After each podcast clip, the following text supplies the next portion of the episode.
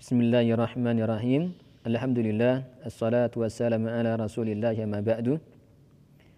Pada sesi ini kita masuk pada pembahasan ziyadatul ba'i fi khabari laisa wa ma. Halaman 100 dari buku kita An-Nahwul Wadih fi Qawaid Lughatil Arabiyyah lil Madarisi Tsanawiyah al-Juz' al-Awwal.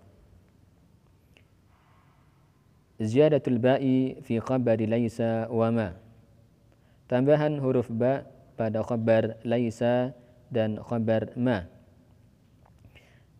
Pada pembahasan yang sebelumnya telah kita sebutkan bahwasanya kana wa akhwatuha masuk di dalamnya ada laisa itu masuk kepada jumlah ismiyah kepada mubtada khabar. Kemudian merofakkan yang pertama merafakkan mubtada dan dinamakan isimnya serta menasabkan khabar dan dinamakan khabarnya. Maka di sini ada laisa yang itu juga tarfa'ul isma wa tansibul khabar. Merafakkan isim dan menasabkan khabar. Bisa dibuka atau dibaca dan disimak contohnya di sini pada al-amtilah kelompok yang pertama.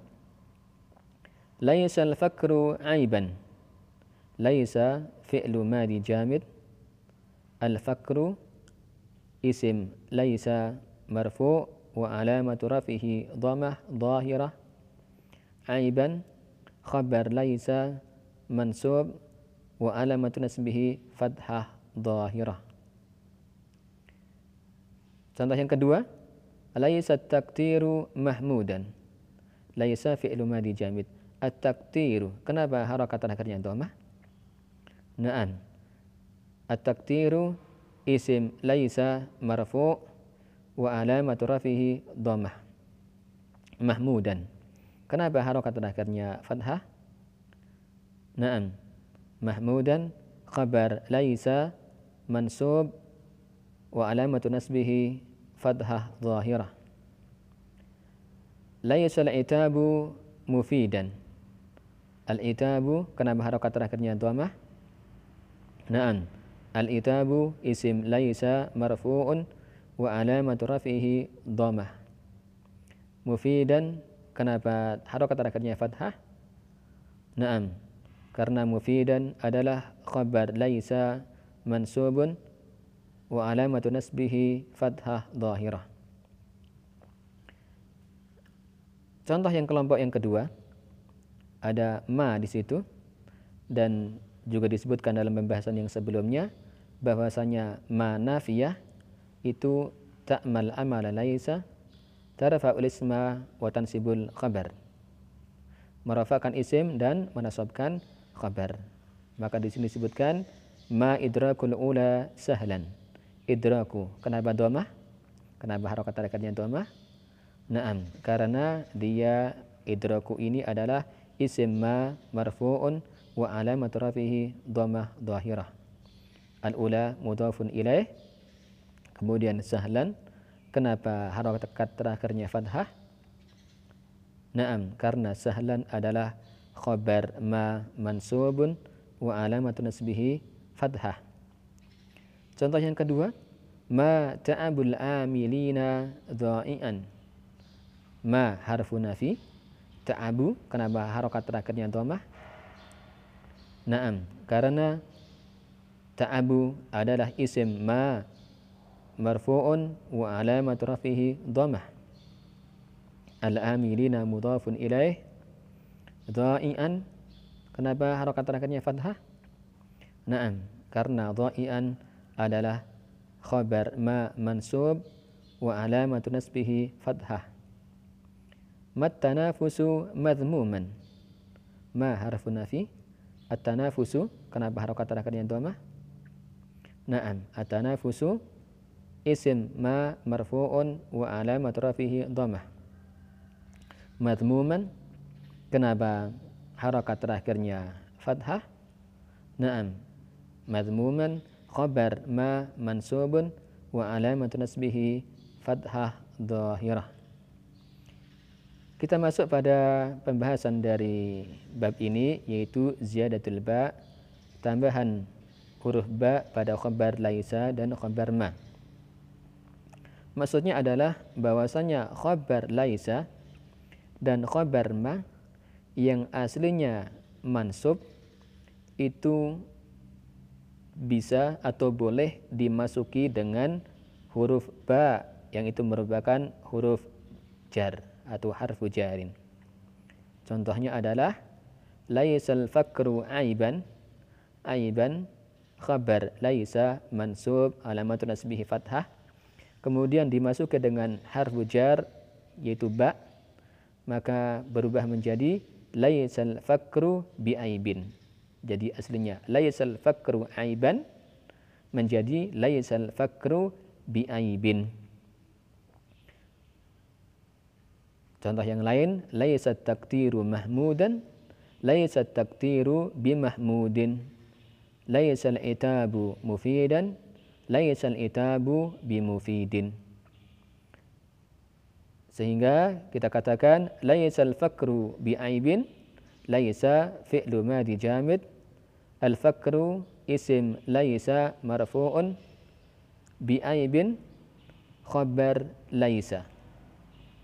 Namun khabar laisa ini harokat terakhirnya kasroh. Mengapa? Ada yang tahu? Naam. Aibin harokat terakhirnya kasrah karena kemasukan harfu ba atau harfu jar sehingga secara lafat dia menjadi kasrah aibin karena kemasukan harfu ba maka harokat terakhirnya majrur atau di sini alamat jarrihi kasrah. Namun secara i'rabnya dia tetap mansub karena dia adalah khabar laisa. Nah, jadi bi aibin bi harfu jar aibin khabar laisa. Majruru lafdhan mansubu takdiran. Secara lafat dia majrur wa alamatu jarrihi kasrah di sini. Namun secara i'rab dia i'rabnya adalah mansub karena dia adalah khabar laisa. Sehingga kita katakan aibin khabar laisa majrur lafdhan mansubu takdiran. Secara lafat dia majrur dan di sini alamatul jarrihi kasrah namun secara i'rab dia mansub. Begitu pada contoh yang berikutnya, laisa taktiru bimahmudin. At-taktiru, kenapa harokat terakhirnya dhamma? Naam. Karena at-taktiru isim laisa wa huwa marfu wa alamatu rafihi dhamma. Kemudian bimahmudin bi atau ba harfu jar mahmudin khabar laisa namun dia majrur wa alamatu jarrihi kasrah karena kemasukan harfu ba. Jadi secara lafad dia majrur karena kemasukan harfu jar ba. Namun secara i'rab dia adalah mansub. Sehingga kita katakan mahmudin khabar laisa majrur lafdan mansubu takdiran. Secara lafad dia majrur wa alamatu jarrihi di sini kasrah namun secara i'rab dia tetap mansub. Contoh berikutnya, laisal itabu bimufidin. Al-itabu isim laisa marfu bi harfu jar mufidin khabar laisa majruru lafdan mansubu takdiran. Jadi aslinya adalah laisal fakru aiban kemudian masuk harfu jar ba menjadi laisal fakru bi'aibin. Laisat taktiru mahmudan kemudian kemasukan harfu ba menjadi laisat taktiru bi mahmudin. Laisal itabu mufidan menjadi laisal itabu bi mufidin. Dan bi atau ba di sini adalah harfu jar atau harfu zaidah harfu jar yang itu merupakan tambahan sedangkan aibin mahmudin mufidin di sini adalah khabar laisa majruru lafdhan mansubu takdiran. Secara lafat dia majrur wa alamatu jarrihi di sini kasrah karena kemasukan harfu ba namun secara i'rab dia tetap mansub karena dia adalah khobar laisa. Kita masuk pada pembahasan yang berikutnya. Uh, contoh yang berikutnya adalah kelompok yang keempat ma idrakul ula bisahlin. Aslinya adalah ma idrakul ula sahlan. Idraku isim lais isim ma marfu al ula mudafun ilaih. Kemudian bi harfu jar sahlin adalah khabar ma. Yang secara lafad dia majrur wa alamu jarrih kasrah karena kemasukan harfu ba namun secara i'rab dia adalah mansub. Jadi sahlin khabar ma majruru lafdan mansubu takdiran ma ta'abul amilina bidha'iin. Ta'abu isim ma marfu bi harfu jarin dha'iin. Khabar ma majruru lafdan mansubu takdiran secara lafad dia majrur namun secara i'rab dia mansub. Mat tanafusu bi madhmumin at tanafusu khabar ma. Isim ma marfu'un. Bi harfu jar. Madmumin khabar ma.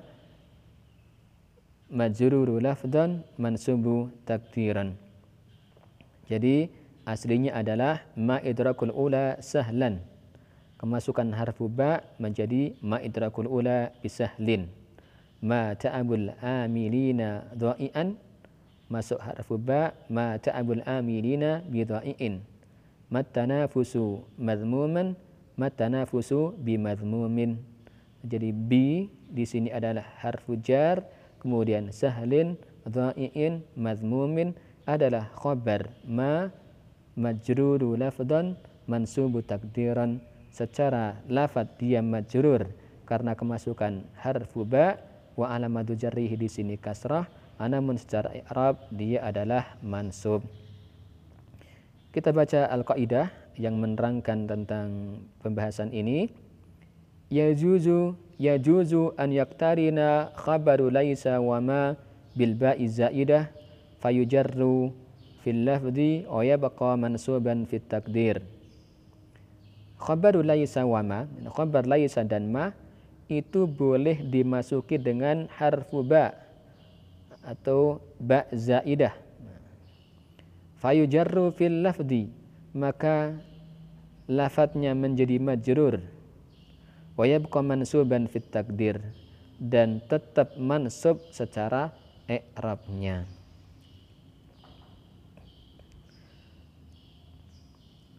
kita ambil contoh yang lain nah, pada latihan halaman 101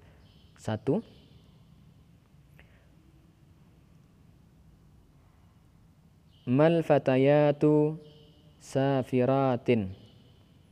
Fatayatu isim ma marfu safiratin? Khabar ma mansub coba kita masuki dengan huruf ba pada khabar ma di sini. Maka menjadi mal fatayatu bisafiratin. Sehingga i'rabnya menjadi safiratin. Khabar ma majruru lafdan mansubu takdiran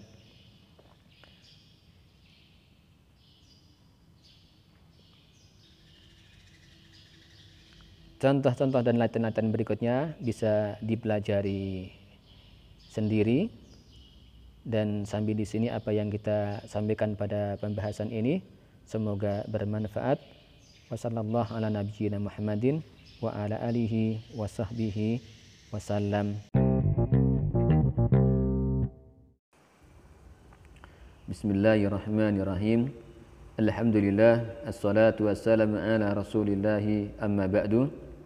Pada sesi ini kita masuk pada pembahasan Af'alul Muqarabati war Raja'i was Syuru' halaman 103 dari kitab An-Nahwul Wadih fi Qawaid Lughah Al-Arabiyyah lil Madaris Tsanawiyah Al-Juz al-Awal.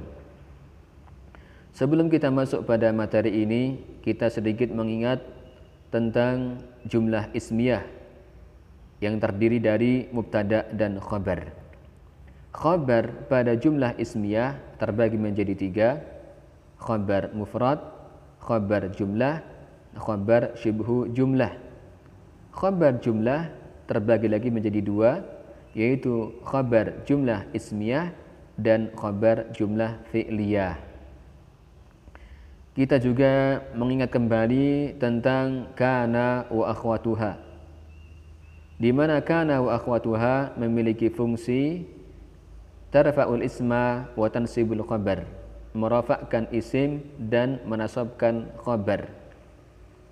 Kemudian di hadapan kita ada af'alul muqarabati wa raja'i wa syuru' di mana fiil-fiil ini termasuk fiil-fiil yang berfungsi seperti fungsinya kana yaitu merafakkan isim dan menasabkan khabar. Contoh-contoh pada halaman 103 ini terbagi menjadi tiga kelompok.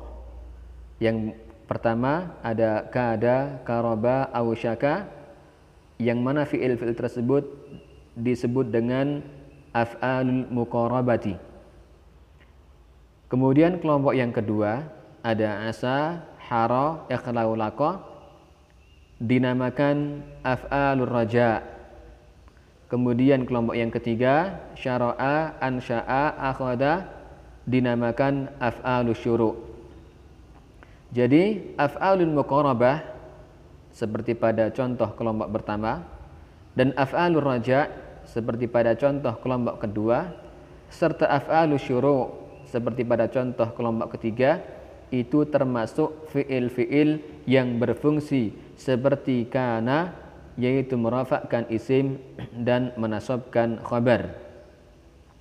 Tapi bedanya antara kana wa akhwatuha dan fiil-fiil yang ada di hadapan kita ini yaitu af'al muqarabati wa raja'i wa bedanya adalah khabar kana wa akhwatuha itu boleh khobar mufrad, khobar jumlah, khobar syibhu jumlah. Adapun khobar pada af'alul muqarabati war raja'i wa khobarnya harus khobar jumlah fi'liyah menggunakan fi'il mudhari'. Kita ambil contoh pada af'alul muqarabah kelompok pertama. Di sini disebutkan kadati syamsu taghibu kada termasuk af'al muqarabah berfungsi seperti kana kemudian syamsu isim kada marfu wa alamatu raf'ihi dhammah taghibu khabar dan ini merupakan fi'il mudhari fa'ilnya domir mustatir takdiruhu hiya kembali kepada asyamsu. Di sini khabar kada jumlah fi'liyah menggunakan fi'il mudhari. Begitu juga pada contoh-contoh yang di bawahnya. Khabarnya semuanya menggunakan fi'il mudhari atau disebut dengan khabar jumlah fi'liyah. Begitu juga pada af'alur raja, kelompok yang kedua. Asaddiku an yanfarija Dhiku isim asa marfu an yanfarija khabar asa jumlah fi'liyah menggunakan fi'il mudhari. Begitu juga pada contoh-contoh di bawahnya. Kemudian pada kelompok yang ketiga syara'at tiflu yabki. Syara'a fi'lu syuru' yang berfungsi seperti kana merafakkan isim dan menasabkan khabar tiflu isim syara'a marfu wa alamatu raf'ihi dhammah kemudian yabki itu adalah fi'il mudhari' fa'ilnya dhamir mustatir. Dan yabki ini merupakan jumlah fi'liyah khabar syara'a. Jadi khabar syara'a adalah yabki jumlah fi'liyah menggunakan fi'il mudhari' Begitu juga dengan contoh-contoh di bawahnya. Jadi khabar pada af'al muqarabati war raja'i wasyuru' khabarnya semuanya adalah khabar jumlah fi'liyah menggunakan fi'il mudhari. Lalu bagaimana cara mengi'rabnya? Cara mengi'rabnya adalah uh,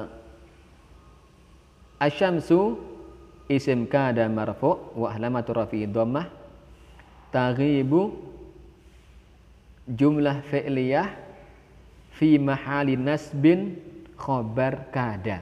Nah, jadi taghibu jumlah fi'liyah fi mahali nasbin khobar kada. Begitu juga yang di bawahnya. Tagharaku, yang qadi, yajmudu, yanfadu, yabra'u. Itu semuanya adalah jumlah fi'liyah fi mahali nasbin khobar. Begitu juga pada khobar-khobar yang setelahnya. Khobar asa, khobar hara, khobar ikhlaulako, khobar syara'a, khobar ansya'a, khobar akoda, semuanya adalah uh, fi'il mudhari atau jumlah fi'liyah fi mahali nasbin khobar. Kemudian kelompok yang pertama dinamakan af'alul muqarabah. Kenapa dinamakan af'alul muqarabah? Karena fi'il-fi'il ini memiliki makna kurb atau dekat atau hampir. Contohnya asyamsu taghibu. Nah, asyamsu taghibu maknanya adalah matahari itu terbenam. Ketika dimasuki dengan kadat maka memiliki makna dekat atau hampir. Kadat syamsu taghibu maknanya adalah matahari itu hampir terbenam. As-safinatu taghraq maknanya adalah perahu itu atau kapal itu tenggelam. Ketika dimasuki dengan kadat, kadat syam kadat safinatu taghraqu maknanya berubah menjadi kapal itu hampir terbenam eh tenggelam. Kapal itu hampir tenggelam. Begitu juga pada karoba awusyaka. Semuanya memiliki makna hampir. Kemudian pada af'al raja, kelompok yang kedua, kenapa dinamakan af'al raja? Karena memiliki makna harapan atau semoga. Contohnya, kita ambil contoh yang nomor lima. Ikhlaulaqal mudnibu an yatuba. Al-mudribu artinya adalah orang yang berbuat dosa. Yatubu artinya bertaubat. Al-mudnibu yatubu artinya orang yang berbuat dosa itu bertaubat. Ketika dimasuki dengan ikhlaulaqa memiliki makna harapan atau semoga. Ikhlaulaqal mudnibu an yatuba maknanya adalah semoga orang yang berbuat dosa itu bertaubat. Kemudian contoh yang di atasnya. Al-ghaibu yahduru. Artinya adalah orang yang tidak hadir yahdur. Hadir. Artinya al-ghaib orang yang kemarin tidak hadir yahdur, sekarang hadir. Ketika dimasuki dengan haro al-ghaibu an yahdura, maknanya adalah semoga orang yang tidak hadir itu nanti akan hadir. Jadi af'alu raja memiliki makna semoga. Begitu contoh-contoh yang lainnya memiliki makna semoga. Kemudian pada kelompok yang ketiga dinamakan af'alu syuru' memiliki makna mulai. Contohnya adalah atiflu yabki artinya anak kecil itu menangis Ketika dimasuki dengan syara'a, syara'a tiflu yabki, maknanya berubah menjadi anak itu mulai menangis. Contoh yang berikutnya nomor tiga. As-sama'u tumtir maknanya adalah langit itu menurunkan hujan. Ketika dimasuki dengan ansya'a menjadi ansya'atis sama'u tumtir maknanya berubah menjadi langit itu mulai menurunkan hujan. Jadi kelompok pertama adalah af'al muqarabah memiliki makna dekat atau hampir. Kelompok yang kedua af'alur raja memiliki makna harapan atau semoga. Kemudian yang ketiga adalah af'alus syuru memiliki makna mulai. Kemudian ada beberapa yang perlu diperhatikan pada pembahasan ini. Di antaranya adalah bahwasanya khobar-khobar ini semuanya adalah khobar jumlah fi'liyah menggunakan fi'il mudhari. Kemudian perlu diperhatikan bahwasanya khobar kada dan khobar karoba serta khobar af'alu syuru' itu tidak didahului dengan huruf an. Jadi sini ada taghibu, taghraku, yang qadi yajmudu khabar kada dan khabar karoba. Kemudian yabki yataharnaku khabar syara'a. Tumtiru yaksifu khabar ansya'a. Yabla yanharu khabar akoda semuanya tidak menggunakan atau tidak didahului dengan huruf an. Adapun khabar ausyaka asa hara ikhlaulako itu kebanyakannya menggunakan huruf an atau dahulu dengan huruf an. Jadi khabar ausyaka, khabar hasa, khabar hara, khabar ikhlaulako itu kaidahnya khabar-khabar tersebut adalah fi'il mudhari yang didahului dengan huruf an. Itu kaidah secara umum. Jadi khabar kada, khabar karoba, khabar syara'a, khabar ansya'a, khabar akoda itu adalah fi'il mudhari yang tidak didahului dengan huruf an. Adapun khabar ausyaka, khabar asa, khabar hara, khabar ikhlaulaka itu didahului dengan huruf an. Itu adalah kaidah secara umum. Meskipun terkadang nah, disebutkan dalam kaidah itu kadang pada khobar kada dan karoba. Nah, terkadang khobar kada dan karoba itu menggunakan huruf an, tapi jarang sekali digunakan.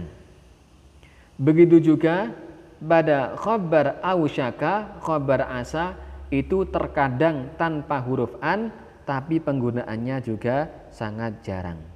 Tetapi penggunaan secara umum, kaidah secara umum adalah seperti yang tertulis di contoh-contoh ini pada khabar kada, khabar karoba, khabar syara'a, khabar ansya'a, khabar yabla itu tidak menggunakan huruf an, tidak ada huruf an. Adapun pada khabar ausyaka, khabar uh, asa, khabar hara, khabar ikhlaulaka itu dahulu dengan huruf an. Kemudian taghibu taghraku yang qadi yajmudu khabar-khabar fi'il mudhara yang tidak dulu dengan huruf an maka itu adalah fi'il mudhara marfu.